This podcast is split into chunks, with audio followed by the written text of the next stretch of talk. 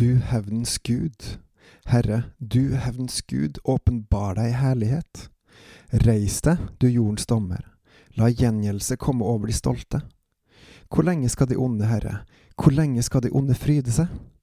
De spruter ut en strøm av ord, de fører frekk tale, alle de som gjør urett, taler store ord. Ditt folk, Herre, knuser de, og din arv plager de.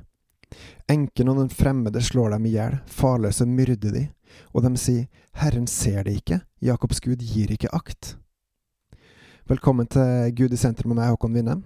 I dag har jeg lyst til å lese opp Salme 94 og 95, fordi jeg tror at den sier noe viktig til oss i disse tider, om at Gud har kontroll, at Gud er nær, at Gud, han er opphøyd, ja, men han er både opphøyd og nær, og han vil at vi skal følge han. Så følg han. Videre står det, Forstå da, dere uforstandige blant folket, og dere dårer, når skal dere bli vise? Han som plantet øret, skulle han ikke høre? Han som skapte øyet, skulle han ikke se? Han som refser hedningene, skulle han ikke straffe? Han som gir menneskene forstand? Herren kjenner menneskenes tanker, han vet at de bare er tomhet. Salig er den mann som du tok til Herre, den du gir lærdom av din lov, for å gi han ro for onde dager, inntil det blir gravd en grav for den ugudelige. For Herren skal ikke forkaste sitt folk, og ikke forlate sin arv. For dommen skal vendes til rettferdighet, og alle de oppriktige av hjertet skal gi den medhold. Hvem reiser seg for meg mot de onde? Hvem stiller seg fram for meg mot dem som gjør urett? Dersom ikke Herren var min hjelp, ville min sjel snart bo i stillhetens land. Om jeg måtte si, min fot vakler, da holder din miskunnhet meg oppe, Herre.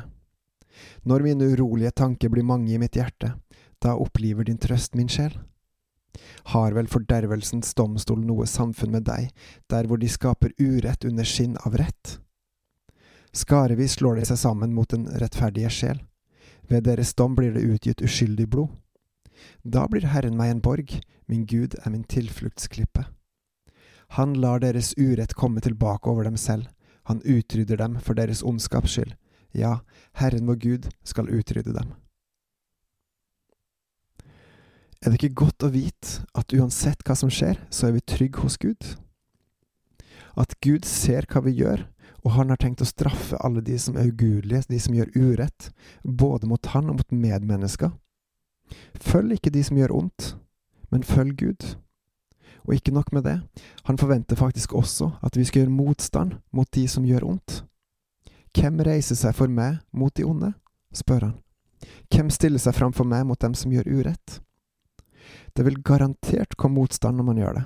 Og samtidig, uansett hvor mye usikker du er, uansett hvor mye din fot vakler, så er Gud der, og han gjør deg sterk. Han er vår styrke.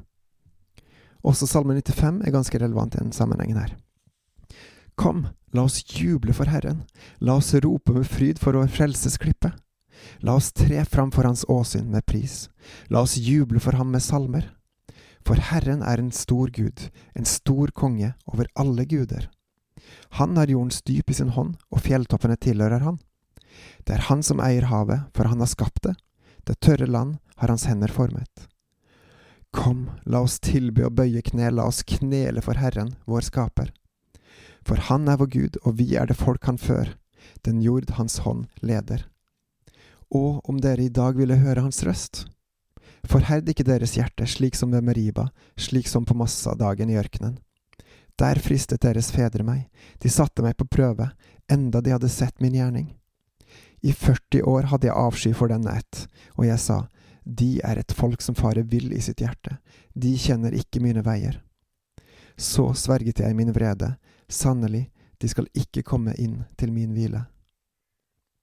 Legg merke til at dette er til de troende, de som ikke følger Gud, de skal ikke få lov å komme hjem til Gud, men vi som følger Han, vi skal få lov til å komme hjem til Guds hvile. Vi skal få lov til å stå opp og lovsynge Gud og prise Han og ære Han og tilbe Han og være sammen med Han for resten av livet. Stå opp for rettferdighet. Bekjemp det onde. Gjør det i Guds kjærlighet, som altså vil si at man skal gi uten å forvente å få noe tilbake. Og vær sterk i Gud. Bruk tid med Han hver dag. Han er vår styrke. Han er vår trygghet. Han er vår glede og rikdom. Bebels, voks med Gud, bygg Hans rike. På gjenhør.